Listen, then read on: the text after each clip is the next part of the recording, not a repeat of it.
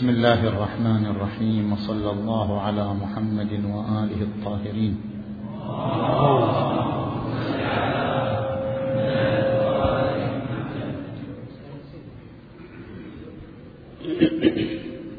الدواعي للبحث حول قضية الإمام المهدي عجل الله تعالى فرجه الشريف الداعي الأول أن هناك عدة شبهات ومقالات فكرية طرحت أمام هذه العقيدة سواء من أقلام إسلامية أو من أقلام إمامية. فمن أجل دفع هذه الشبهات وتوضيح العقيدة بأدلتها وبراهينها الصحيحة اقتضى ذلك أن نتعرض في عدة محاضرات وبشكل مفصل لمسألة الإمام المهدي عجل الله تعالى فرجه الشريف. والداعي الثاني كما تعرفون كما تعرفون أن مسألة الإمام المهدي هي الأساس لمنصب المرجعية لدى الشيعة الإمامية. فالشيعه الإمامية بحسب المعتقد الإمامي يرون أن المرجع نائب عن الإمام الغائب المنتظر عجل الله تعالى فرجه الشريف. ولذلك المرجع يكتسب الحجية ويكتسب الولاية ويكتسب نفوذ الحكم والفتوى كل ذلك يكتسبه من هذا الموقع وهو موقع النيابة عن الإمام الحجة عجل الله فرجه الشريف. لأجل ذلك يعتبر هدم هذه العقيدة أي هدم عقيدتنا في المهدي المنتظر هدما لمنصب أساس من المناصب التي يقوم عليها المعتقد الإمامي ألا وهو منصب المرجعية بما له من صلاحيات وبما له من لوازم. والعامل الثالث هذا ذكرته على المنبر في الليلة الأولى أو الثانية أن علاقتنا بالمهدي هي علاقة جافة جدا. نحن نحتاج إلى أن نقوي علاقتنا بالإمام عجل الله تعالى فرجه الشريف. الملاحظ أن كثيرا منا علاقته بالفنان الفلاني أو باللاعب الرياضي الفلاني أشد من علاقته بأي شيء آخر. لنا علاقات ولنا تعلقات حميمة بلاعب رياضي بفنان مشهور بأستاذ معين بل علاقتنا بمراجعنا ومراجعنا محل احترامنا وتقديرنا. ادام الله ظلهم ورحم الله الماضين منهم. علاقتنا بمراجعنا أشد من علاقتنا بمن؟ بمن يكون مراجعنا نوابا له. يعني نحن نلاحظ يعني عندما نفتش الجو الشيعي والحاضر الشيعي نجد أننا نتعصب لمراجعنا. أنا أختلف معك وربما يكون بيني وبينك قطيعة وربما يكون بيني وبينك فجوة لأنني ماذا؟ لأنني أختلف معك في المرجع. لأنني أتحيز وأتعصب لمرجع تقليدي مقابل مرجع تقليدك. هذا يكون سببا للخلاف الشخصي والفجوة الشخصية بيننا. هذا يعني أن تعلقنا بمراجعنا أشد وأقوى من تعلقنا بالمهدي المنتظر عجل الله تعالى فرجه الشريف. والحال بأن مراجعنا جميعا هم نواب له وهم منصوبون من قبله بالنصب العام لا بالنصب الخاص. اذا فعلاقتنا بالمهدي علاقة جافة. ليس هناك تعاطف روحي ليس هناك تعلق نفسي ليس هناك جو جو من العلاقة والحب والعشق للمهدي المنتظر. عجل الله تعالى فرجه الشريف. فلأجل ذلك من أجل آه، إثارة هذا الجو وهو جو العلاقة مع الإمام والارتباط بالإمام كان هذا داعيا للتركيز على قضية الإمام المنتظر في هذا العام. أحسنتم سماحة السيد. طبعا آه، نتيجة تركيز آه، سماحة السيد على مبحث الإمام المهدي عليه السلام فجل الأسئلة في محور في في ذات المحور. في هناك سؤال أو سؤالين عن الإمام الرضا عليه السلام وزيارته صلوات الله وسلامه عليه. فأنا ببدأ ببعض الأسئلة البسيطة بعدين بعطي المجال أو أفتح المجال للإخوة إذا يحبون أن يشاركوا. سؤال في ضمن في نفس الإطار سماحة السيد حول المشاهدة والسفارة. آه، السؤال هو أنه كيف نحن نميز بين المشاهدة الحقيقية والمشاهدة غير الحقيقية؟ يعني هناك الآن كثير منهم من يدعي أو يقول أنا رأيت أنا شاهدت. وهناك طبعا يعني لربما هي قضية قضية أح يعني رؤى أحلام أو مشاهدة مباشرة أو ما شابه ذلك. وأنتم لم تنفوا. المشاهدة إنما نفيتم السفارة فكيف نميز آه، بين المشاهدة الحقيقية وغير الحقيقية؟ تفضل سماحتكم هذه المقامات الشريفة نحن ذكرنا أن اللقاء بالمهدي المنتظر عجل الله تعالى فرجه الشريف أمر ممكن لأنه شخص يعيش بين الناس فلقاؤه أمر ممكن. ولكن اللقاء على ثلاثة أقسام كما ذكرنا لقاء التشريف ولقاء التكليف ولقاء السفارة. لقاء التشريف بمعنى أن الإمام نفسه يشرف شخصا بلقائه يتفضل على شخص بلقائه لنظرة عابرة أو لقضاء حاجة يقضي له حاجة الإمام مثلا أو ينظر إليه بنظرة عابرة ثم يعرف أن هذا هو المهدي المنتظر. هذا يسمى لقاء التشريف يعني لقاء لا يتضمن تكليف ولا أمر ولا نهي مجرد أن هذا الشخص تشرف برؤية وجه الإمام عليه السلام إما في قضاء حاجة وإما في أمر عابر. هذا نسميه بلقاء التشريف. لقاء التشريف هذا بيده هو ليس بيدنا. هو يتفضل على من يريد ويشرف من يريد بلقائه. هذا أمر لا يمكن لنا ضبطه ولا تحديده. وقد يكون الشخص الذي يقول أنا التقيت بالإمام أو رأيت الإمام قد يكون صادقا قد يكون كاذبا. هذا ليس امرا مهما. ما دام لقاء تشريف فهو قابل للصدق والكذب. لا داعي لأن ندخل فيه ونشغل أوقاتنا به.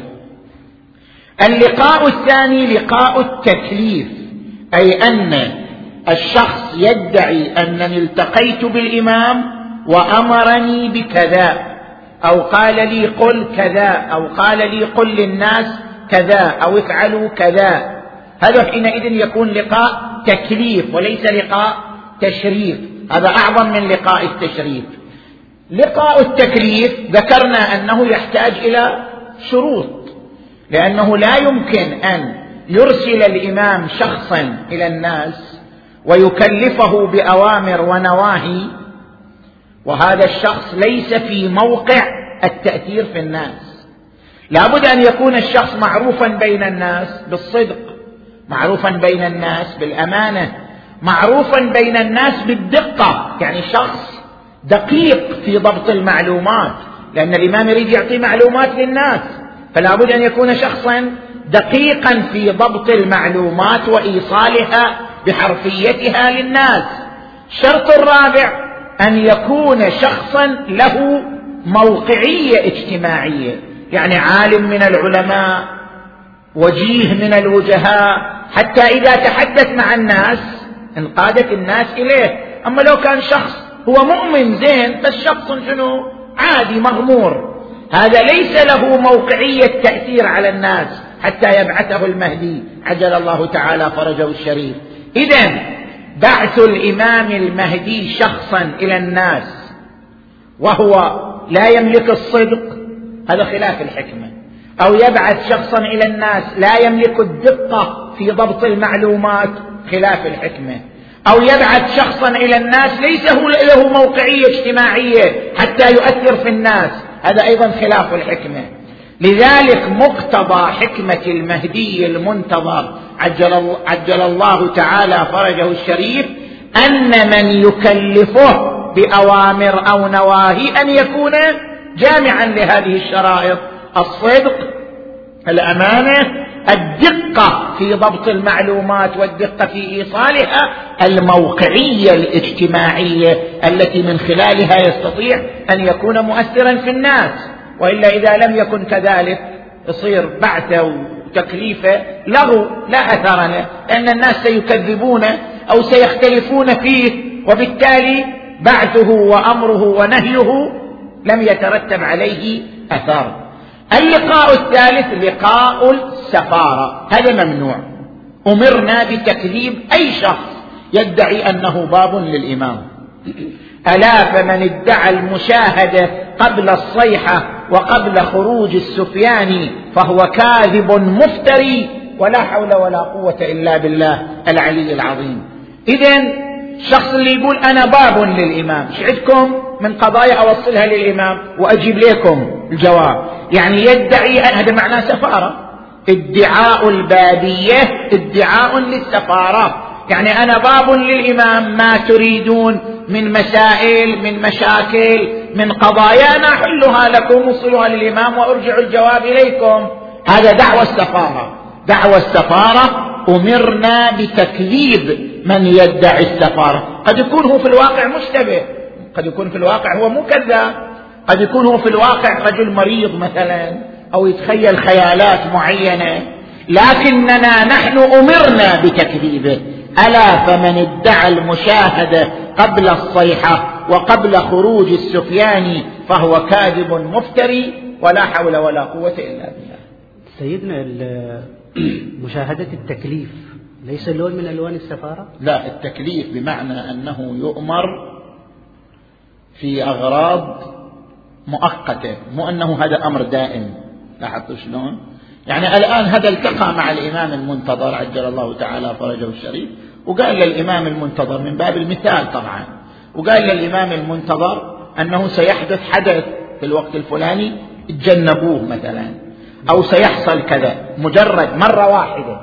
مو كل يوم يعني الباب مفتوح والإمام يقول له هذه صارت سفارة التكليف بمعنى أمر بأمر مرة واحدة لعلاج قضية معينة.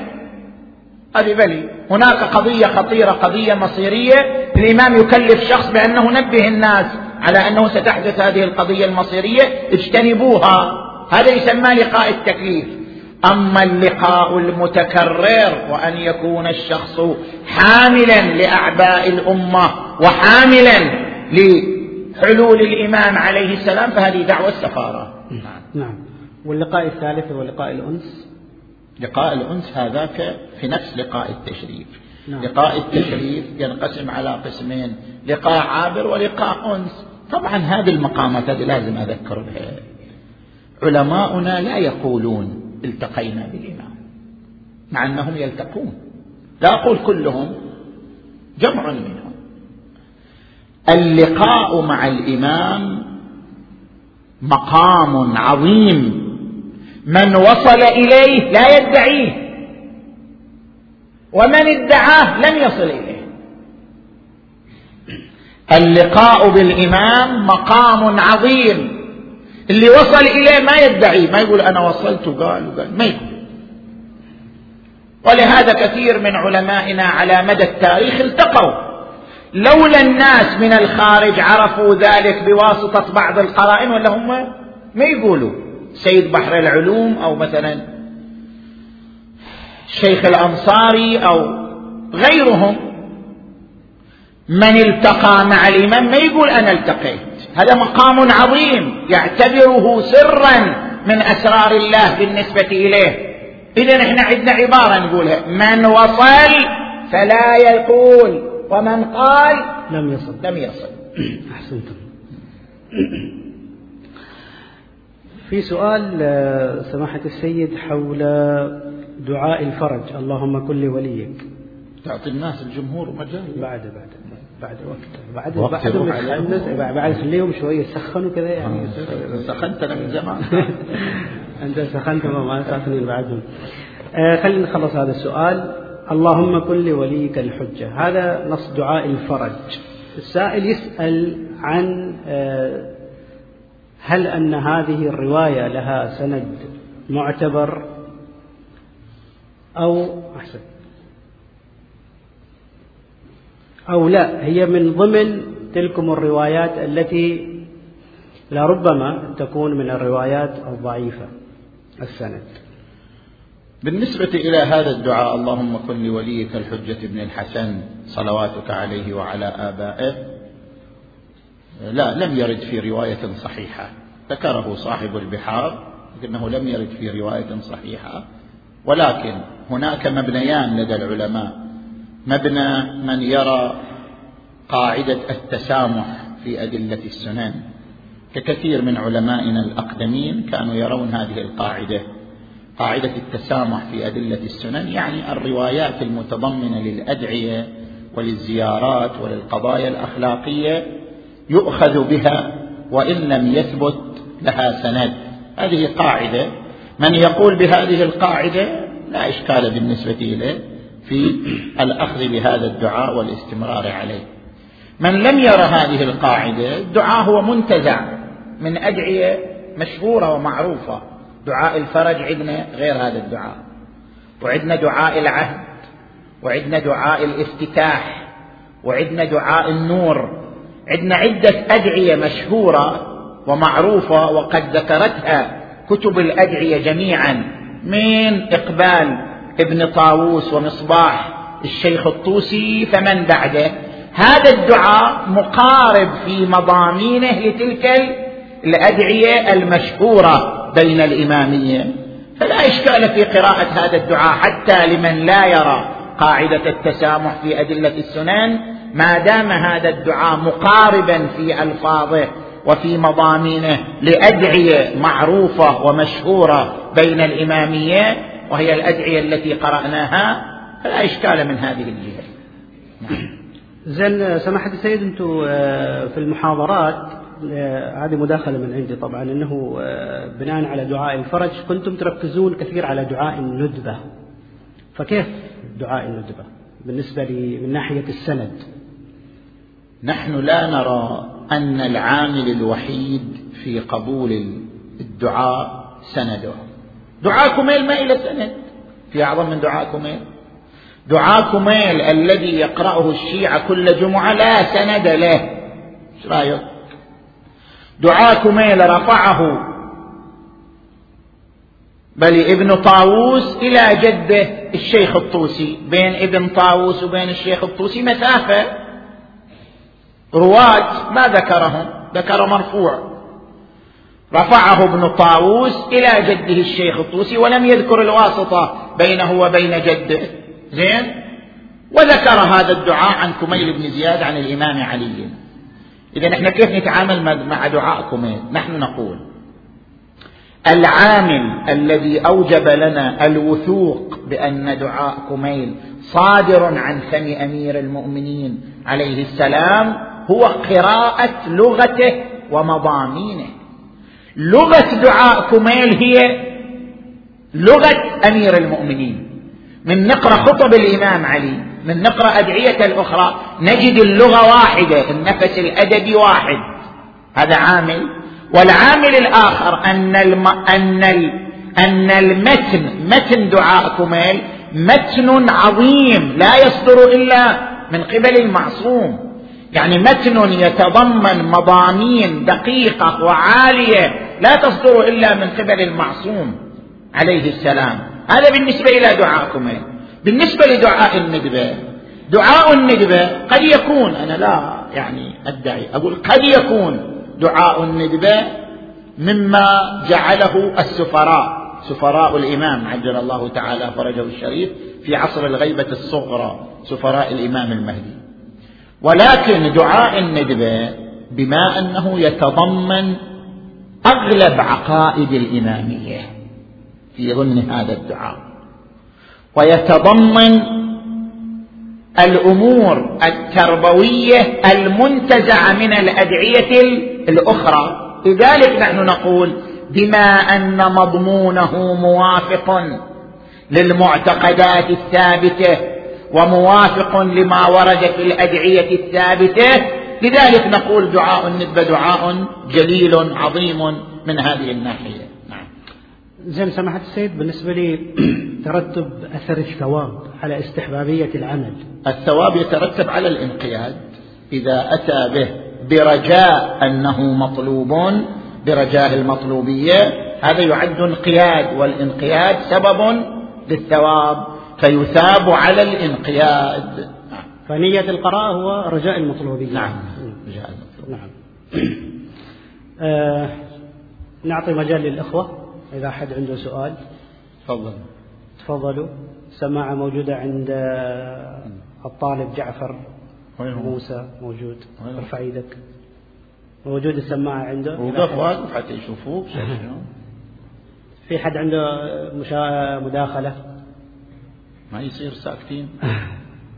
موسى موسى تكلم. وما تلك بيمينك يا موسى. يصير خلاص وحي شنو خامدين هالسنة ما شنو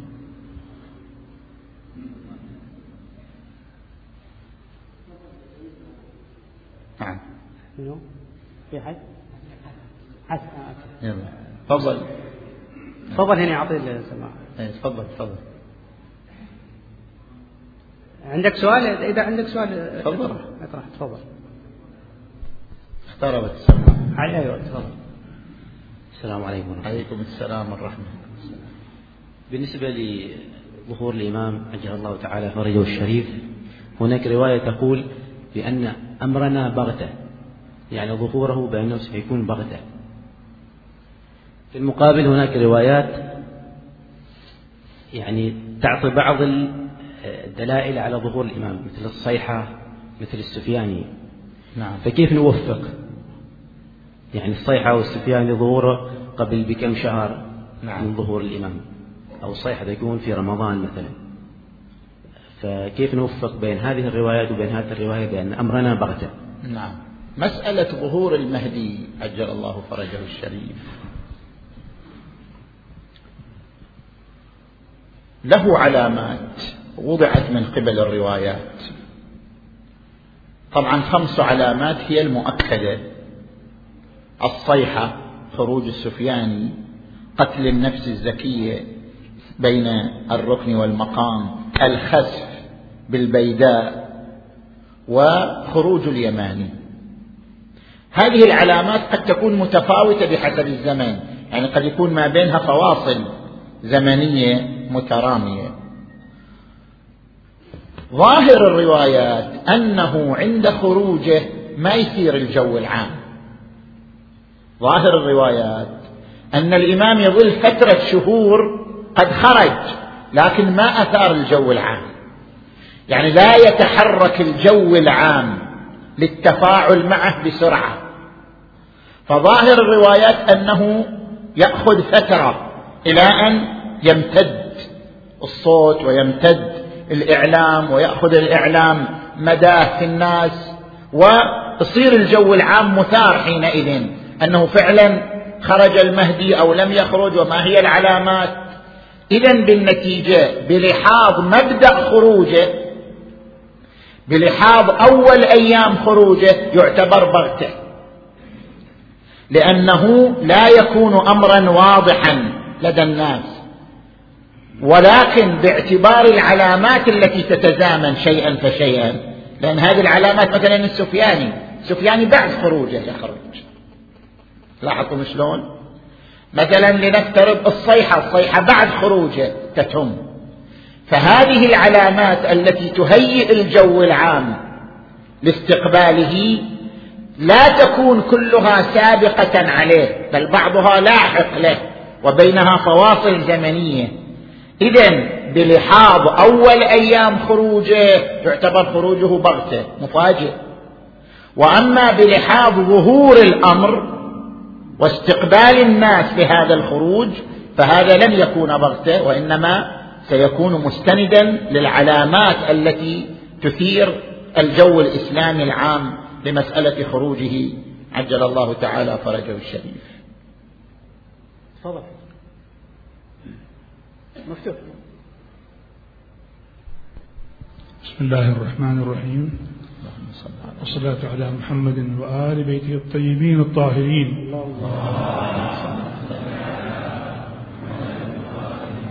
السلام عليكم ورحمة الله وبركاته. سيدنا ما دام المجال مفتوح ما حد سأل. فأنا أريد أخذ من وقتهم أيضا. عشان المسموح لي يمكن دقيقة أو دقيقتين. فأخذ من وقتهم. أولا بسرد القصة وبعدين بسأل السؤال عن إمام المهدي عليه السلام. القصة هي كالآتي أن حدث في البحرين قبل حوالي مئة سنة أن واحد من الأخوان السنة كتب على قالب أبو بكر ولي الله وخلاه على الرمانة وبعد شهرين ثلاثة ثبت عليها أبو بكر ولي الله وأخذ الرمانة جابها إلى الملك أو الحاكم وأعطاه قال الشيعة يدعون أن عليا ولي الله وهذا الرمانة مكتوب عليه بالطبيعة أبو بكر ولي الله. فاسأل الشيعة يجيب لك ما يعني شيء مثل هذا. فهو نادى العلماء الشيعة وأخبرهم قال أعطوني الجواب قال أعطيك جواب من القرآن قال لا أنا أريد إثبات كان راجع ما حصل حد وهو مهتم يعني وهو راجع حصل واحد شخص في الطريق راعي. والراعي قال له قال لي ليش أنت متألم يا شيخ؟ قال والله أنا عندنا القضية هذه. قال أنتم كأنكم ثقة ما كانت عندكم بإمام المهدي لو في المحفل نفسه واحد منكم السبعة اللي جيتوا هنا مديت خليته يدك على الخلف كان الإمام أعطاكم رمانة بيدكم وأعطيت الملك بنفس الوقت.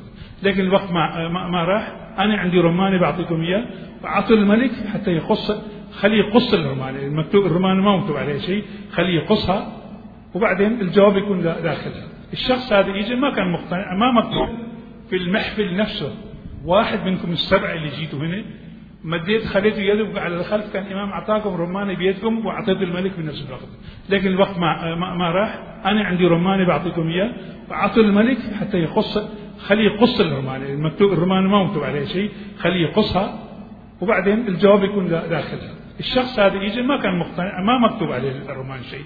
يجي قال حل الملك أنا جايب الجواب وهذا الرمان. قال ما مكتوب عليه شيء قال قصها جابه صحن وقص الرمان لما قص الرمانة على كل حبل مكتوب أشهد أن عليا ولي الله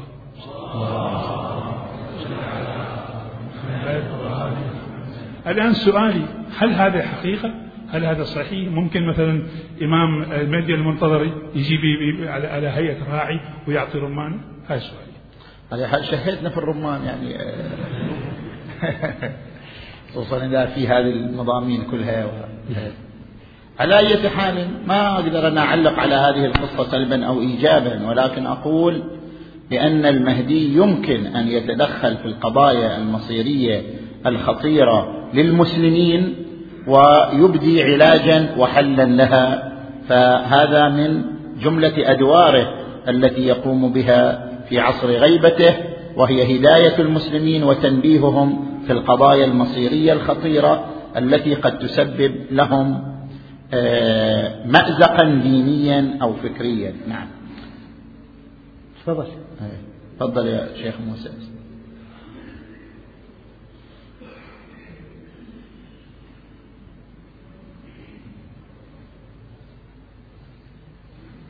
وين حسين وين أسئلتكم؟ نعم بسم الله الرحمن الرحيم.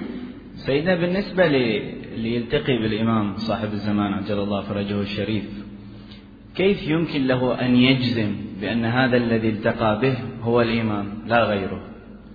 سواء كان الأمر في الرؤيا لمعظم يعني ما ينقل عن التشرف برؤية الإمام يقال عفوا يقال أنه تشرف برؤيته في المنام وفي الرؤيا. هذا كيف يجزم أن هذا الذي راه هو الإمام؟ يمكن مشتبه يمكن يهلوس يمكن غير ذلك. وأيضا في الحياة العامة أيضا في الواقع يعني ما في الرؤية ما في المنام هذا قد يرى شخص يظنه الإمام وهو في الواقع ما الإمام يكون مشتبه يعني. كيف يمكن الإنسان يجزم فعلا وراء الإمام؟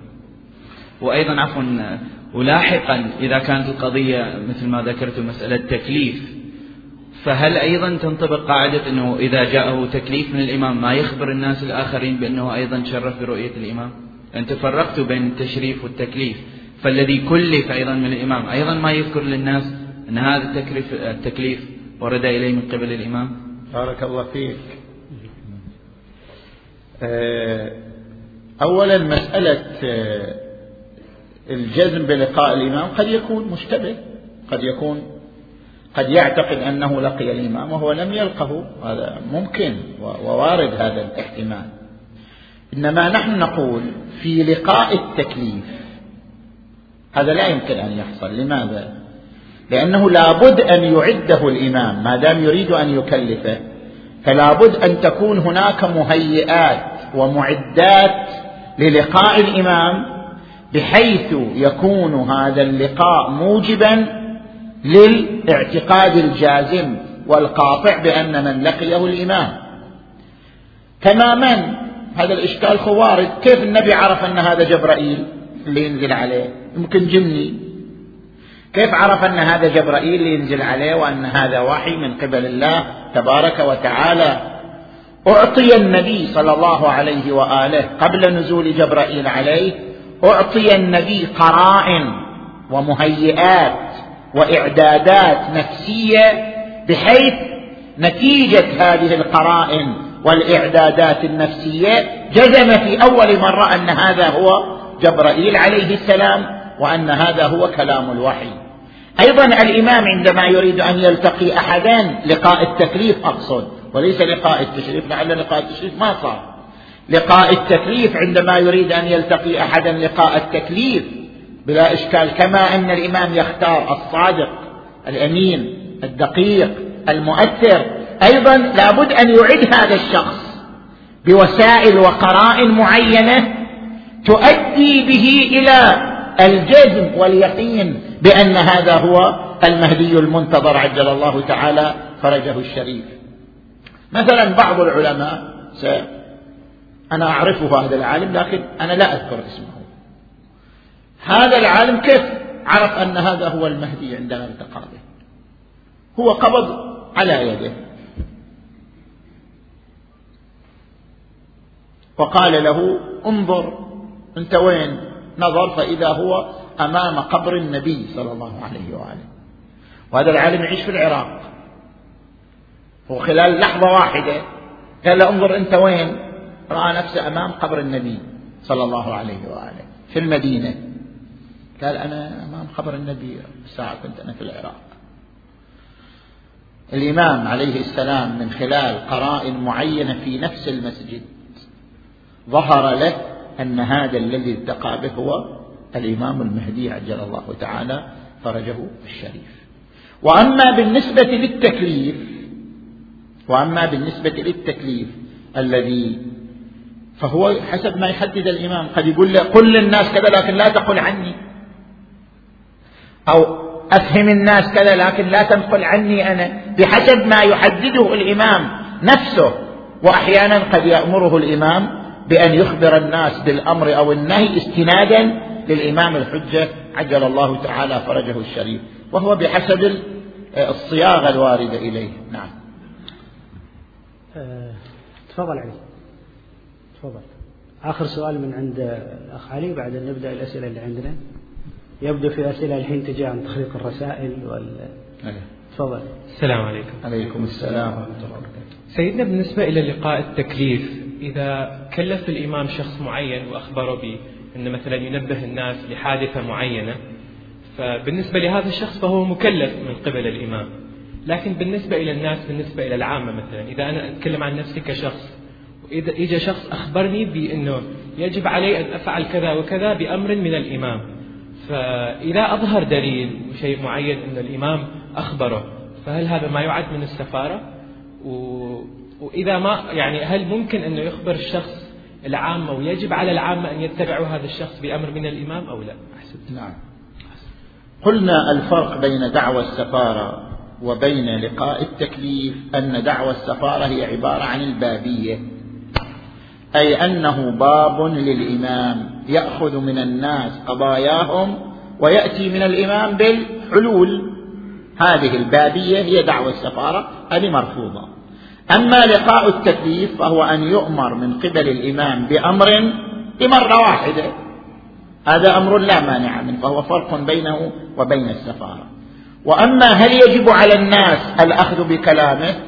مثل مثل أي رواية أخرى. يعني الآن إحنا الروايات الواردة عن الأئمة. في كتب الحديث شو نسوي فيها؟ الكلام الكلام.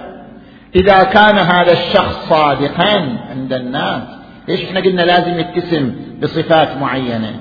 إذا كان هذا الشخص صادقا موثوقا به بين الناس وكان في موقع التأثير كأن كان عالم من العلماء المعروفين طبعا هذا خبر ثقة وخبر الثقة حجة فحينئذ وصلت بالناس حجة عن قول الإمام وعن كلام الإمام عليه السلام. نكتفي الآن بهذه الأسئلة من الجمهور. آه، طبعا في هناك آه، هذا محور يبدو محور الإمام المهدي عليه السلام استقطب إن شاء الله بعد هذا استقطب الكثير من الإخوة في أسئلتهم. نحن شوية ناخذ استراحة من محور الإمام المهدي إن شاء الله نرجع له بعدين. آه، في أسئلة حول آه، الإمام الرضا عليه السلام. آه، عن الزيارة وعن بعض الأشياء الأخرى. سؤال مثلا سماحة السيد قلتم في يوم وفاة الإمام الرضا عليه السلام أنه سمى الواقفية بالكلاب. كلاب الممطورة ليقاطعهم الناس. أفلا يعتبر هذا تنافيا مع ترك الشتم؟ ففي مجتمعاتنا الحالية مثلا ننهى نحن أنفسنا من هذه الألفاظ والنعود فكيف بالمعصوم؟ القرآن الكريم هو نفسه ذم المخالفين.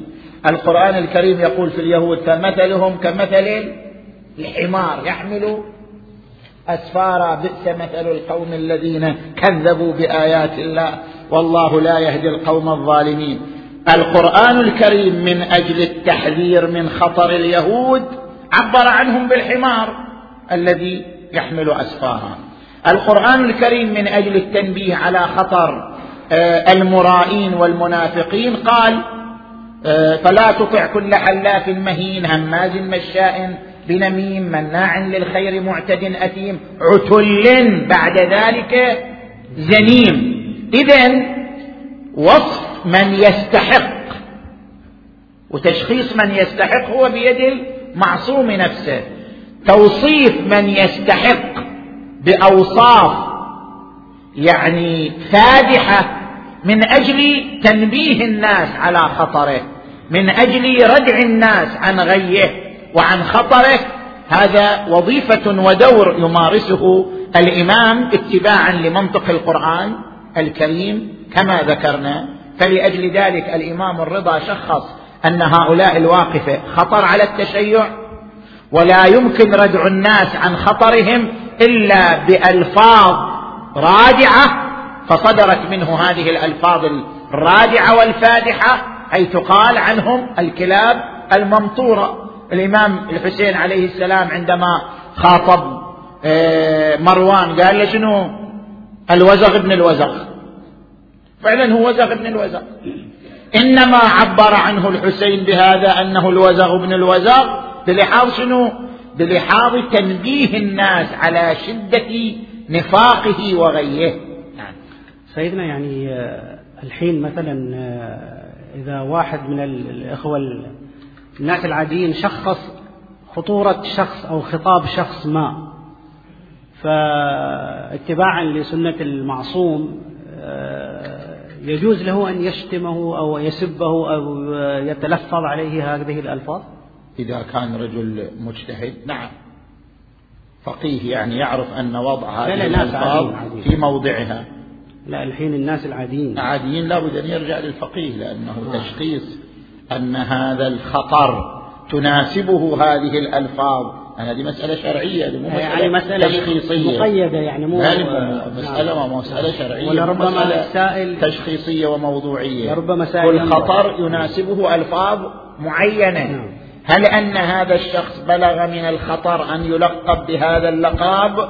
هذه مسألة شرعية. هذه لابد أن يرجع فيها للفقيه نعم. في نفس إطار آه، الإمام الرضا عليه السلام يعني سؤال آه، على الرسالة. آه، يقول سماحة السيد طبعا بعد السلام روايات عديدة عن المعصومين في فضل زيارة الرضا عليه السلام. السؤال يقول آه، والتي تشمل البعض منها أن المعصوم أو الإمام يضمن الجنة لزائر الإمام. أفهل يفهم من هذه الروايات؟ أفهل يفهم من هذه الروايات؟ وين راح هذا السؤال؟ آه، أن العبد حتى وإن انصرف عن العمل الصالح والمعاملة الحسنة وزار الإمام عليه السلام بنية خالصة وعرف حقه آه، إلى آخره فإن الإمام يضمن له الجنة من دون أن ينال العبد أي عقاب.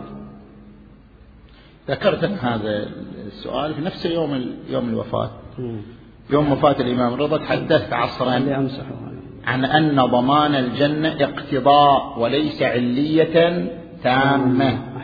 زيارة الإمام توجب ضمان الجنة. يعني زيارة الإمام تعطي الإنسان استعدادا لدخول الجنة اقتضاء وليس علة تامة. لكن هذا الاقتضاء يتوقف على عدم الموانع وإلا الموانع تحرق ذلك. هذا أيضا يعني كثير من الأمور حتى لا تلتبس على الناس. مثلا القضايا الوراثية. أنا ذكرت في بعض الليالي أو لعله ليلة وفاة الإمام الرضا ذكرت التأثير الوراثي. أن الذي ينحدر من عائلة جبانة يطلع شنو؟ جبان. اللي ينحدر من عائلة بخيلة يطلع بخيل. فإن واحد مثلا قد يتأذى يقول أنا ذنبي يعني أن أبوي كان جبان يعني إلا أصير جبان. هذه أمور اقتضائية وليست علة تامة. يعني إذا انحدر من عائلة جبانة فيه استعداد لأن يكون جبانا. لكنه يستطيع أن يتجاوز هذا الاستعداد بقوة إرادته ويصبح شجاعا. أيضا الإنسان الذي يزور الإمام الرضا زيارة الإمام الرضا تعطيه اقتضاء يعني تعطيه تاهلا تاهلا لدخول الجنة. هذا التأهل قد يزول بالموانع. إذا أصر على المعاصي أصر على الرذائل هذا التأهل يزول. والموانع تحرق هذا التأهل وتزيله. هذا كله على نحو الاقتضاء وليس على نحو العلية التامة. نعم. في سؤال آه، يقول آه، ألا تعارض فكرة الصادر الأول وأنه الرسول الأعظم صلى الله عليه وسلم جميع النصوص الشرعية التي تثبت بشا... التي تثبت. هي هذه ما لها علاقة لا بالمهدي ولا الممرضة ها. بس هذا سوى لي مسج قال لي التي تثبت تثبت بشرية الرسول الأعظم صلى الله عليه وسلم وتحصر الاختلاف في نزول الوحي فقط.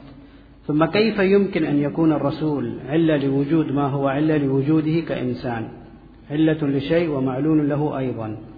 ثم كيف إذا نزل الرسول من ذاك المقام السامق ليصبح نطفة ثم علق بكل ما فيهما من تدني في مرتبة الوجود؟ هذا يقول له بعدين إن شاء الله. قال لك بعدين السيد زين. آه، في حد عنده مشاركة مداخلة أسئلة حول الإمام الرضا يعني أو كذا أو خلي تفضل. آه،. بس كان الأخ علي قبلك شوي بعد إذنك يعني تفضل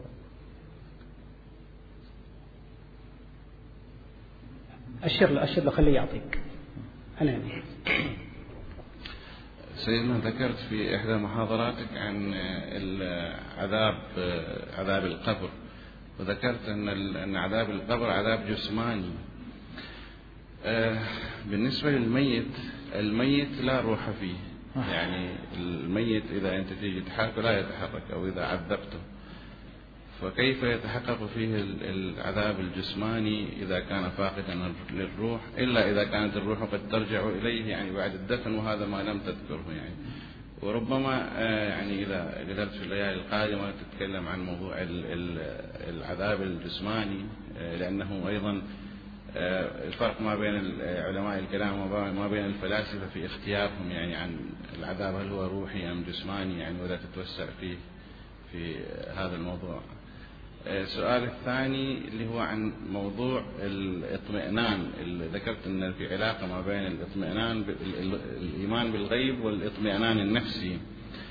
فالسؤال هو هل التلازم هو ما بين الإيمان بالغيب والإطمئنان النفسي أم هو مجرد الإيمان بإله سواء كان الإله هذا مثلا آه، غائب عن الأعين أو إذا كان حاضرا. يعني مثلا آه، أمة الهندوس في الهند يعني أكثر اللي هم أكثر من مليار نسمة تقريبا أكثر من 60% منهم ناس هندوس ولا يمكن قد لا يؤمنون بالغيب يعني يعني يعبدون الأصنام. ومع ذلك هي أمة نسبيا تعتبر أمة يعني مطمئنة إلى حد ما وليست مثل الغرب يعني.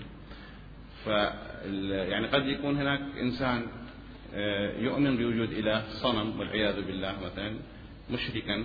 لا يؤمن بالغيب بس مع ذلك يكون آه، مطمئنا فهل التلازم بين الإيمان بالغيبية والإطمئنان أم هو مجرد الإيمان بإله والإطمئنان؟ وشكرا. نعم. بالنسبة إلى السؤال الأول نحن نقول ظاهر الروايات يعني أنا من أتكلم كفقيه غير من أتكلم كعالم في الكلام غير من أتكلم كفيلسوف يعني لكل مجاله الفقيه من يجي يتناول الرواية يمشي على ظاهر الرواية. ظاهر الروايات أن عذاب القبر عذاب جسماني هذا ظاهر الروايات. فإذا هذا الظاهر ما في محذور عقلي فيؤخذ به. ما في أي محذور عقلي في الأخذ بظاهر الروايات أن عذاب القبر عذاب جسماني. لماذا؟ ظاهر الروايات نرجع إليه.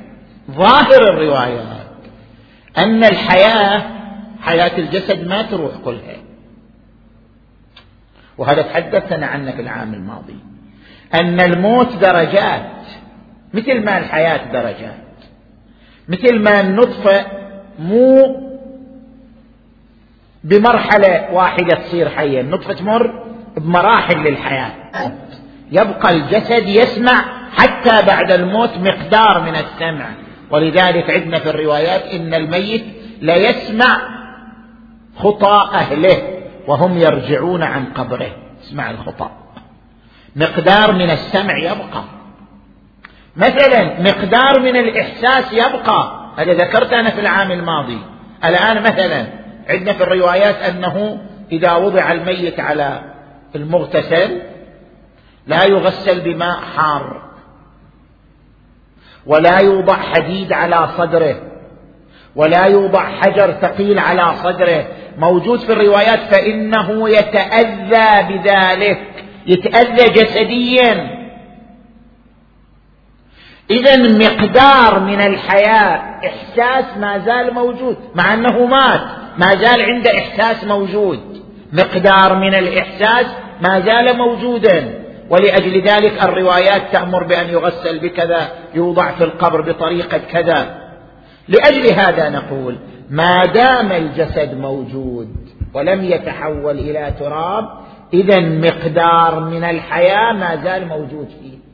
وهذا المقدار من الحياة هو الذي يكون شنو كفيلا بعذاب القبر. يعذب الجسد في القبر إلى أن يبلى. بعض الأجساد قد تبقى سنة بعض الأجساد قد تبقى خمس سنين بعض الأجساد وهكذا. أجساد تختلف بطبيعتها. إذا يعذب في قبره بمقدار بقاء جسده. ومقدار من الحياة موجود في جسده. هذا بالنسبة إلى السؤال الأول. بالنسبة إلى السؤال الثاني نحن نقول حتى هؤلاء الوثنيين شوف مثلا أهل الجاهلية ماذا قالوا؟ إنما نعبدهم ليقربونا إلى الله زلفى. هم يعتقدوا أن الإله مو هذا. يعتقدون أن الإله روح وراء ذلك. إذا هم يعتقدون بتلك الروح العالية شاءوا أم أبوا. هم يعتقدون بأن هناك قوة عالية تملك القدرة المطلقة تملك القوة المطلقة. يقربون إلى الله زلفى. هم يعتقدوا أن الإله مو هذا. يعتقدوا أن الإله روح وراء ذلك. إذا هم يعتقدون بتلك الروح العالية. شاءوا أم أبوا. هم يعتقدون بأن هناك قوة عالية تملك القدرة المطلقة. تملك القوة المطلقة. إنما يقولون تتمثل هذه القوة في في بوذا أو تتمثل هذه القوة في هبل أو تتمثل هذه القوة في اللات كما يعتقد بعض المسيحيين أنها تتمثلت في المسيح عيسى بن مريم. فهم يعتقدون بتلك القوة المطلقة. لذلك كان إيمانهم سببا لاطمئنان القلب. إذا موجود اختلاف التسمية فقط. إحنا نسميه الله هم قد يسمونه بلفظ الآخر. لكن الجميع يشير إلى تلك القوة المطلقة. نعم. تفضل. تفضل. بسم الله. السلام عليكم سيدنا عليكم السلام والرحمة سيدنا الكريم آه، فيما ذكرتم في إحدى المحاضرات حول علاقة علاقتنا مع إمام الزمان صلوات الله وسلامه عليه. آه، خاصة في فقرة الهدايا. أنا سؤالي ثلاث أسئلة حول الهدية. نعم. أولا إذا أنا أقدم هدية للإمام المعصوم عجل الله فرجه الشريف. كيف أعرف أن هديتي قبلت؟ وأنا خاصة عندي ذنوب وعندي معاصي. هذا السؤال الأول. السؤال الثاني آه، سيدنا إذا كان بس وش الهدية اللي تقدمها؟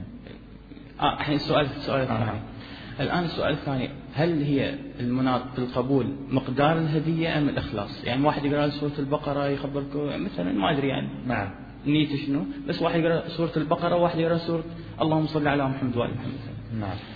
فهذا المقدار. السؤال الثالث يعني آه، هل إذا كان مثلا شخص واحد يقوم مثلا بختمة القرآن إشارة جميع المؤمنين هل هذا شيء تشجعون عليه وتحثون عليه يعني؟ شارك إشارة جميع المؤمنين يعني في ختمة يعني القرآن أو يهديها ختمة إلى جميع المؤمنين قصدكم؟ إيه لا للمعصوم. لا لا للمعصوم. إيه. بإختلاف النية بتعجيل الفرج مثلا أو شيء. يعني هناك هل سيدنا هناك تشجيع لهذا مثل هذه الأعمال؟ مرات يكون نحن جميع المؤمنين يعني شنو؟ يعني نحن عندنا عرف مثلا في أيام عاشوراء ليلة العاشر نوزع يعني جزء جزء على كل واحد اهداء ثوابه إلى سيد الشهداء عليه السلام. نعم. هكذا تقصد أعتقد. بالضبط إيه نعم. اي هكذا يقصد. شكرا سيد أحسنتم. أحسنتم. نسيت أنا السؤال الأول. السؤال الأول عن الهدية. إيه. كيف أعرف أن الإمام قبل هديتي خاصة أنا عندي ذنوب ومعاصي؟ هو يعني علامة القبول بداية الهداية والارتداع. إذا يشوف الشخص أنه بدأ يرتدع عن المعاصي بدأ يقلع عن الذنوب هذا معناه أنه أحيط بمدد الإمام عليه السلام.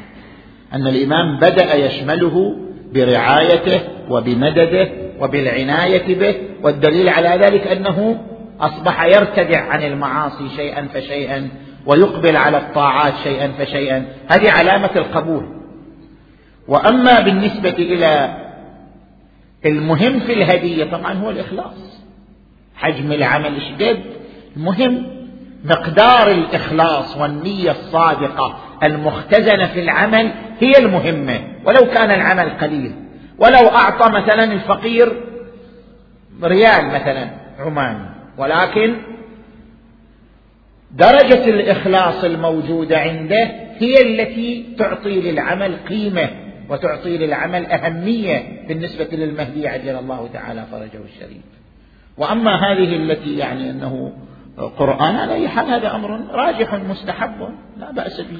سيدنا هذه الأمور أمر راجح مستحب لأنه يقرأ القرآن ويهدى ثوابه إلى روح الإمام أو يه أو نيابة عن الإمام مثلا بدل ما أهدي ثوابه نيابة أقول أقرأ هذا القرآن نيابة عن الإمام الحسين عليه السلام أو نيابة عن الإمام المهدي عجل الله تعالى فرجه الشريف. صح بالنيابة وصح بالهدية لكن النيابة أفضل. الروايات تقول النيابة أفضل. أصلي نيابة عن الإمام. أقرأ القرآن نيابة كأنه هو الذي قام بهذا العمل. النيابة أفضل من الهدية. سماحة السيد بعض الإخوة يعتقدون أنه هذه مجربات العلماء بينما هي فعلا موجودة في روايات. طبعا هذه أمور طبعا هذه هذه راجحة يعني موجودة. مسألة وليست مسألة تجربة أو, تجربة أو أو عرف عماني. نتمنى يصير عرف. زين آه، صلوا على محمد وآل محمد آه، في إلحاح على أسئلة الرجوع إلى محور الإمام الحجة وإن كان الوقت عندنا ضيق مع أنه آه، نحن بدأنا متأخرين. بارح الإعلان كان ثمانية ونص نحن هذا اشتبهت أنا فيه. ما أنا. أقول إيه أنا اشتبهت في الإعلان. هذا الاشتباه مني أعتذر منه. والاعتذار الثاني أنه في الطريق لما وصلنا كان في حادث فتعطلنا. هذا الاعتذار الثاني. مقبول مقبول. إيه. فعلى أساس أنه في إلحاح على أسئلة حول الإمام الحجة آه، في سؤال مكرر حول زواج الإمام المهدي عجل الله تعالى. فرجه. عليكم من الزواج ولا ما الزواج؟ والله يعني ما أنت لا تثير حتى هم ما يثيروا. أنت لما تثير تفتح هذا شهية جنس يعني. الإمام يعيش عيشة طبيعية يأكل ويشرب ويتزوج. زين. جوزت عليه تزوج هذا شلون زين هذه الحين كيف؟ يعني ما تريدوا حتى يتزوج الإمام شلون كيف أنه الإمام في حالة غيبة وكيف أنه متزوج وكيف أنه غير مستقر وكل هذه الأسئلة حول زواجه وزوجاته ولا هي زوجة أنا أذكر واحدة؟ أنا أذكر. بس خليني بس أكمل ال- وأنه هل هي زوجة جابت له ذرية ولا هل عنده ذرية كثيرة ولا و- مجرد؟ وإلى آخره. إيه هذا محور إيه، اللوازم الشيق والألزمة. يعني. الشيق الشيق. أنا أذكر نقطة واحدة أو أو قصة. طبعا هذه قصة موثوقة من قبل كثير من العلماء. الإمام عجل الله تعالى فرجه الشريف بعد غيبته الكبرى هو غاب سنة الغيبة الكبرى يعني سنة ثلاثمائة وتسعة وعشرين انقطعت السفارة وبدأت الغيبة الكبرى. بعد الغيبة الكبرى لعله بخمسين سنة أو ستين سنة الإمام عليه السلام وفد إلى مصر. ودخل قرية من قرى مصر. وتزوج امرأة. وأنجب منها محمد ابن محمد. محمد ابن محمد بن الحسن. وبقي في تلك القرية. ثم خرج منها بعنوان زيارة للمدينة لمدينة جدة. وما رجع لم تعرف الزوجة أنه المهدي إلا بعد مغادرته.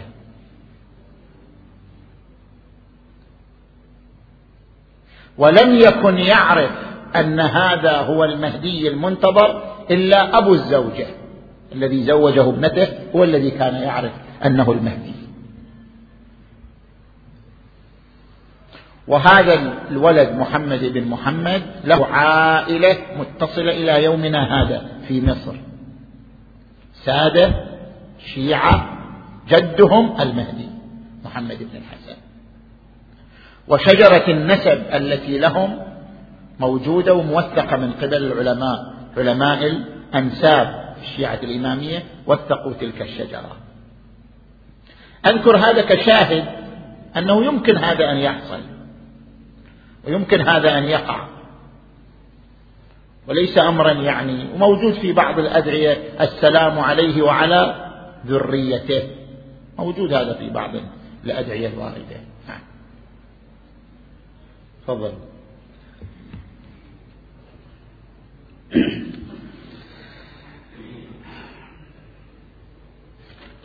في سماحة السيد سؤال هو على شكل إشكال. كل أسئلة إشكالات. لا هذا بس آه، لربما سؤالين هو عن الإمام المهدي حول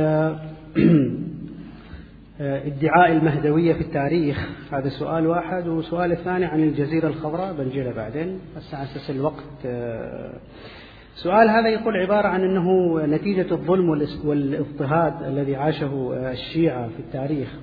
ظهرت هناك كثير من الدعاوى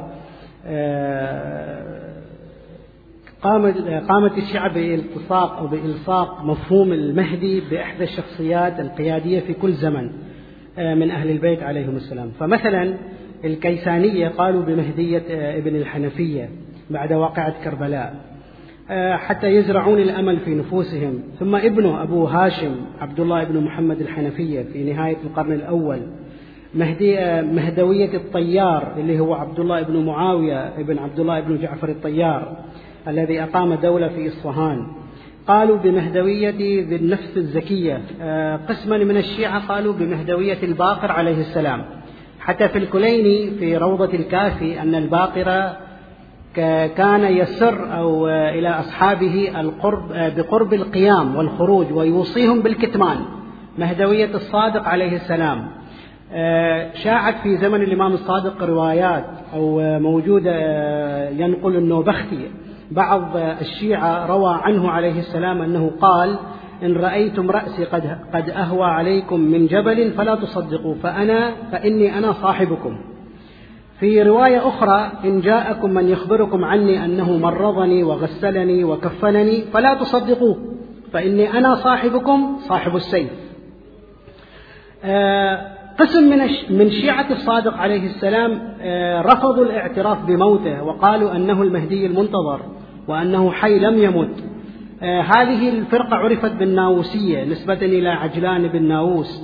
هذا يذكره النوبختي وكان منهم أبان بن عثمان أبان بن عثمان الأحمر الذي يعده الكشي من أصحاب الإجماع أي من, من أقرب من هو؟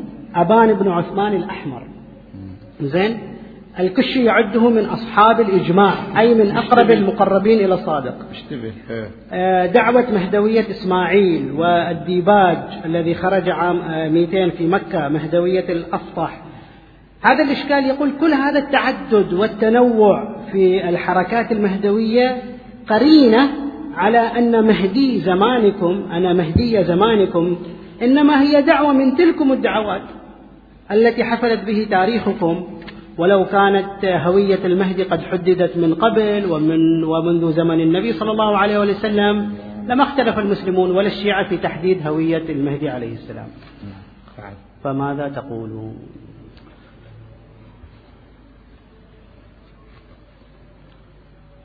اولا فكرة المهدي في التراث الإسلامي أنه يخرج يملأ الأرض قسطا وعدلا كما ملئت ظلما وجورا استغلتها طبعا بعض استغلها بعض المغرضين أو بعض المدعين وادعى أنه هو المهدي.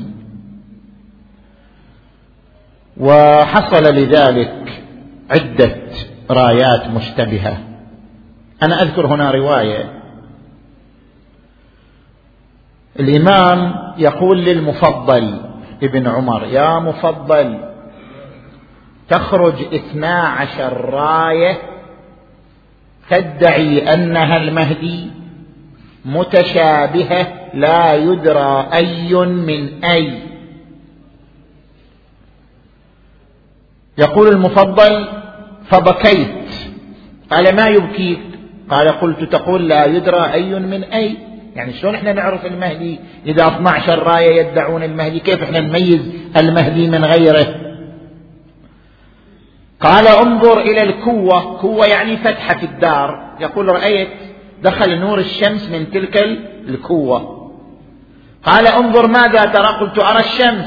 قال يا مفضل إن أمرنا أبين من الشمس. يعني إحنا أمرنا لا يلتبس ولا يخفى. لماذا؟ لأنه سيتعاضد بالقرائن الواضحة.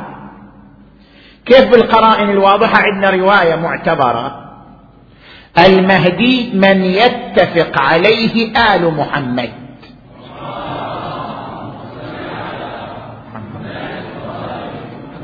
آخر الزمان لن يتفق آل محمد أهل البيت وغيرهم. آل محمد يعني من هم ومن يرتبط بهم. لن يتفقوا إلا على شخص من اتفق عليه آل محمد فهو المهدي. جميع الأشخاص الذين يخرجون قبلا وبعدا خرج في زمان الأئمة وخرجوا كلهم محل خلاف. علامة المهدي أنه سيكون محل وفاق. سيتفق عليه آل محمد السنة والشيعة والأباضية وكل مذهب يرتبط بآل البيت يعني هم من آل البيت نسبا أو سلالة سيتفقون على المهدي. أن هذا هو المهدي. هذا من العلامات الموجبة للوثوق به صلوات الله وسلامه عليه وعلى آبائه. ثانيا هل تكون هناك دعاوى للمهدي؟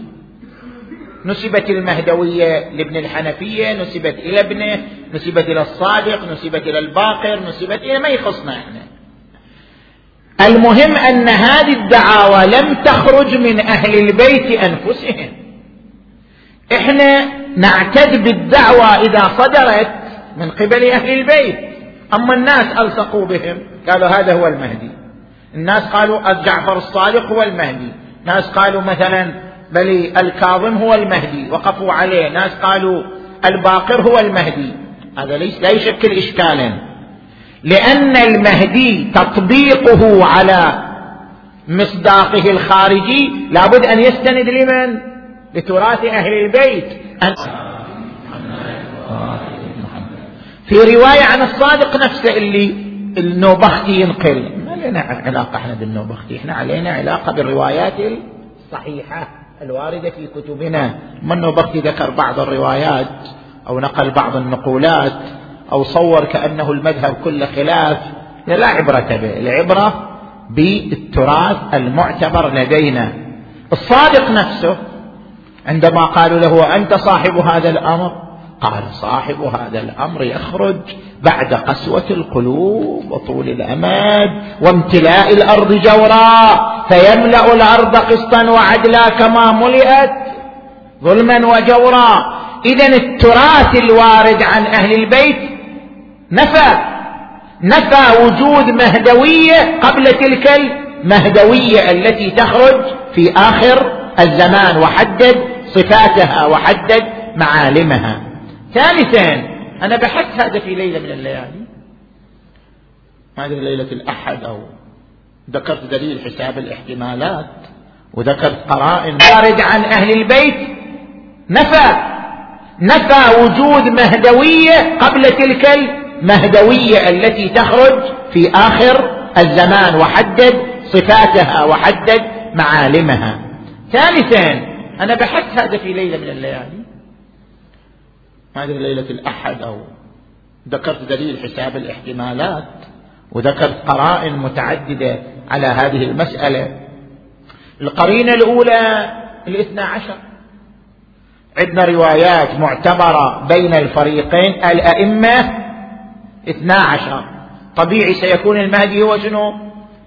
هو الثاني عشر. وما يكون المهدي في الوسط لأنه بالمهدي ستقوم خلافة العامة على الأرض كلها. فلا بد أن يكون المهدي هو الثاني عشر منهم. إذا بالنتيجة بما أن الروايات حددت أن الأئمة اثنا عشر. وحددت أيضا هذه الروايات أن المهدي هو الذي يملأ الأرض قسطا وعدلا كما ملئت ظلما وجورا. إذا لا محالة يملأ الأرض قسطا وعدلا كما ملئت ظلما وجورا. إذا فالمهدي هو الثاني عشر الذي يقوم بختام هذه الأدوار كلها. ولا يتصور أن المهدي إنسان مو إمام خو واحد يقول خو خلوا الأئمة 12 لكن المهدي واحد من الناس. ما يمكن. لأن تطبيق العدالة على الأرض يحتاج إلى علم بالتشريع وبأسرار التشريع وهذا لا يصدر إلا من إمام ويحتاج إلى معصوم في تبليغه ومعصوم في تطبيقه حتى يكون قادرا على تطبيق العدالة التامة على الأرض كلها. اذا هذه الأدوار لا يمكن أن يقوم بها إلا إمام وبما أن الروايات حددت أن الأئمة اثنا عشر فالمهدي هو الثاني عشر. والقرينة الثانية التي ذكرتها روايات الغيبة. عندنا روايات كثيرة متواترة تواترا اجماليا أن المهدي يغيب غيبة لا يثبت على الإيمان به فيها إلا من امتحن الله قلبه بالإيمان. وهذا لا ينطبق إلا على المهدي المنتظر الحجة ابن الحسن. والقرينة الثالثة هي الروايات التي طبقت المصداق. يعني إحنا ليش نلغي هذه الروايات؟ مهديهم تاسعهم في بعض الروايات. بعض الروايات تذكر الأسماء بالتفصيل إلى أن تنتهي إلى محمد بن الحسن. عجل الله تعالى فرجه الشريف كما في الروايات الواردة عن العسكري عليه السلام وهو القائم بالأمر يعبر عنه نعم. سماحة السيد طبعا الوقت داهمنا داهمنا وحاربنا ودخل علينا. لكن خلي ننهي المحور هذا. يعني أنتم تفضلتم الحين تقولون يعني تراث علينا بتراث أهل البيت. بارحة أنتم سماحتكم في واحدة من الكتب التراثية الكبيرة جدا اللي هي بحار. أخرجتم منها روايات ضعيفة. يعني هذه صعوبة جدا على الإنسان العامي أن يجي يفحص وينقح. أنه نحن علينا بتراث أهل البيت. زين تراث أهل البيت وصلنا بس وصلنا كثير منه ضعيف وموضوع. الحين نحن وين يعني؟ الحين ناخذ هذه الرواية ولا ناخذ هذه الرواية؟ علينا بتراث أهل البيت. إيش رأيكم في هذا يعني؟ إيش رايي بعد؟ إيش رأيك أنت؟ أنا رايي صعب يعني على العام صعب يعني جدا. يعني نحن نقول بأنه تمييز ما هو من تراث أهل البيت مما ليس من تراث أهل البيت. له طرق ذكرها العلماء. شيء عزيز إما صحة السند هذا طريق. إما استفاضة الرواية ووصولها إلى حد التواتر الإجمالي هذا طريق. إما اشتهار الرواية شهرة عملية على من يرى أن الشهره العملية جابرة لضعف الرواية هذا طريق ثالث. اذا هناك طرق لتمييز ما هو من تراث أهل البيت مما ليس من تراثهم. لا مجرد وجود رواية عابرة مثلا. في البحار أو في غيره من الكتب؟ لا. تراث أهل البيت نقصد به ما ثبت بطريق معتبر إما صحة السند أو اجتماع القرائن على صحته أو تواتره تواترا اجماليا أو اشتهار العمل به بين قدماء الإمامية وأمثال ذلك من الطرق المذكورة. نعم. أه، أحسنتم سماحة السيد. طبعا أنا اولا اعتذر عن الإخوة اللي كتبوا أسئلة وما قدرنا نطرحهم. يعني نطرح هذه الأسئلة لأنه الوقت أه، فعلا ضيق جدا وعندنا أه، نعي بعد هذا وعندنا نوحيات أو نوحية كذا. فنحن نكتفي بهذا القدر من الأسئلة والأسئلة اللي ما طرحت نعتذر. إذا صارت هناك فرصة أخرى مع سماحة السيد هو سماحة السيد طبعا ذكر أن الأسبوع القادم لكن حسب ما أعرف أن الأسبوع القادم في حفلة. حفلة. ليلة الخميس في حفلة في لمأتم أطفال الحسين أعتقد. بعد الحفلة. آه بعد الحفلة؟ ما شاء الله. يعني حوارنا وقت القراءة غير. فالحفلة ستكون بعد بعد الحفلة مباشرة وآخر فقرة تكون على أساس أنتم تتفضلون تقرون معي أو ما شابه ذلك. هكذا يكون ما أعرف. عموما إذا صارت هناك فرصة أخرى بعد ساعة زين. نشوف إن شاء الله إذا صارت إن شاء الله. إحنا بنعلن على أي حال. عن آه، ذلك. نعم. نحن بس على حال الاسئله الباقيه هم إذا واحد يسألني شفاها بالتليفون أنا. حاضر. في إعلان آه، بالنسبة لي آه، محاضرات ليلة ويوم الأربعين وليلة الأحدى والعشرين من صفر. نعم. آه ليلة الأربعين ليلا. آه ما سؤال إعلان. إيه زين إيه. أنا أقول زين أنا أسمع الإعلان. نعم. ليلا آه ليلة الأربعين ليلا آه ثمانية وربع في المأتم الصغير وتسعة وربع في مسجد الرسول الأعظم صلى الله عليه وآله وسلم. الواحدة والثلث بعد منتصف الليل مجلس منتصف الليل في المأتم الصغير. نهارا عشرة وخمسة وثلاثين دقيقة في المأتم الصغير والساعة الواحدة وخمسين دقيقة مجلس الزوال في المأتم الكبير. اثنين إلى عشر يعني. ليلة واحد وعشرين سبعة وخمسة وثلاثين دقيقة المأتم في المأتم الصغير وسبعة وخمسين دقيقة ثمانية إلا عشر في مسجد الرسول الأعظم يعني محاضرة ليلة آه، واحد وعشرين صفر ثمانية إلا عشر. إلى كم؟ آه إلى يعني ثمانية وربع. ناس تعبانين سيدنا إلى تقريبا بس عشر دقائق؟ في حاضر. في سنة من السنوات. أنا حاضر. أنا حاضر. لا. أنا أنا حاضر. إذا ت- تقتنعوا بعشر دقائق حاضر. لا لا لا. خلوا لا بس في سنة من السنوات. أنا حاضر عشر دقائق أقرأ سيدنا في سنة آه. من السنوات ساعة وربع قريته قريت ساعة وربع. ليلة 21 أنا أتذكر. آه. آه، متألم للحين هو ترى من لا أنا أقول لك يعني أنا أنا ما عندي مانع أقرأ. زين ما يخالف. ب- في هنا سؤال من هذا السؤال بعدين سماحتكم أن تنتقل إلى النعي يقول قال عابس رضوان الله عليه حب الحسين أجنني. وقول المعصوم عليه السلام إن لحب الحسين حرارة في قلوب المؤمنين.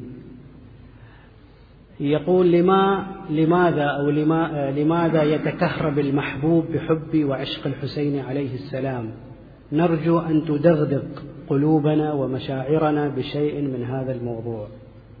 تفضلوا سماحتكم حب الحسين عليه السلام هو حب التضحية حب الفداء. فإن الحسين رمز للفداء ورمز للتضحية ورمز للشهادة. لذلك للحسين جذابية خاصة وللحسين وقع خاص في نفوس المؤمنين.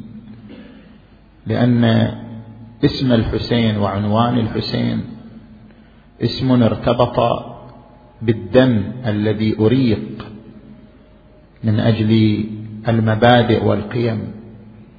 واسم الحسين اسم ارتبط بتلك المظلومية من قتل وسبي وأسر. فاسم الحسين عليه السلام جذاب لكل شخص يحب القيم والمبادئ ويحب التضحية والفداء من أجلها. وجذاب لكل شخص مغرم برسول الله صلى الله عليه وآله. وقد رأى أن عترة رسول الله أبيدت في يوم كربلاء مع الحسين عليه السلام. ما ذنب أهل البيت حتى منهم أخلوا ربوعا تركوهم شتى مصائبهم. وأجمعها فظيعة. فمغيب كالبدر ترتقب الورى شوقا طلوعا ومكابد للسم قد سقيت حشاشته نقيعا ومضرج بالسيف آثر عزه. وأبى خضوعه. هذه المصائب اجتمعت يوم كربلاء وتمثلت يوم كربلاء. سيدي ماذا يهيجك إن صبرت؟ لوقعة الطف الفظيعة أترى تجيء فجيعة بامض من تلك الفجيعة حيث الحسين على الثرى. خيل العدا طحنت ضلوعه ذبحته آل أمية ضامن. ضامن إلى جنب الشريعة ورضيعه بدم الوريد مخضب. فاطلب رضيعة. ولذلك سكينة كأنها سمعت من النحر الشريف تلك الكلمات المؤثرة. شيعتي شيعتي مهما شربتم عذب ماء فاذكروني. أو سمعتم بقتيل أو ذبيح فاندبوني فأنا فأنا السبط الذي من غير جرم ذبحوني وبجرد الخيل بعد القتل قدما سحقوني تمسكت به ابنته سكينة تمسح الدماء عن صدره. تظلله من حرارة الشمس. تارة تضمه تارة تشمه. تارة تقول له أبا تركتني وحيدة تركتني غريبة أقبل إليها الأعداء قالوا قومي واركب الناقة فلم تسمع كلامهم؟ صاروا يجرونها وهي متمسكة بجسد أبيها. كلما سحبوها تمسكت بأبيها. ونادت أبا حسين أبا حسين لمن تركتنا ولمن خلفتنا؟ إلى أن نزل إليها ثلاثة من أجلافهم. وسلوا سياطهم. وصاروا يضربونها. هذا يضربها على متنها. وذاك يضربها على أيديها وأناملها. وذاك يوجع ظهرها إلى أن سحبوها من تحت جسد أبيها. ودموعها تنحدر على خديها. يا بويا يا بويا يا بويا نروح كل إحنا فدايا في جسد أبيها. ودموعها تنحدر على خديها. يا بويا يا بويا يا بويا نروح كل إحنا فداياك. فدايا ياك اخذني إلى القبر يا حسين وياك. اي والله اخذني للقبر يا حسين يا حسين وياك. إيه غابة إيه غابة يا أبويا وقعدتناك. وأقول انسافر يومين يصدر أحم الضائعات بعدك ضعنا في يد النائبات حسرى بوادي. يا الله. اللهم بالحسين الوجيه وجديه وأمه وأخيه والتسعة من بنيه. اللهم تقبل أعمالنا. اللهم اشف مرضانا ومرضى المؤمنين والمؤمنات. واقض حوائجنا وحوائج المؤمنين والمؤمنات. اللهم صل على محمد وآل محمد. اللهم كن لوليك الحجة بن الحسن. صلواتك عليه وعلى آبائه في هذه الساعة وفي كل ساعة.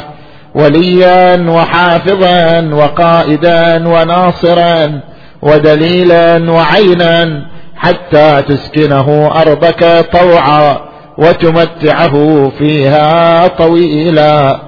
وهب لنا رأفته ورحمته ودعاءه وخيره بحقه وبحق آبائه الطاهرين وإلى أرواح أموات المؤمنين والمؤمنات الفاتحة تسبقها الصلوات.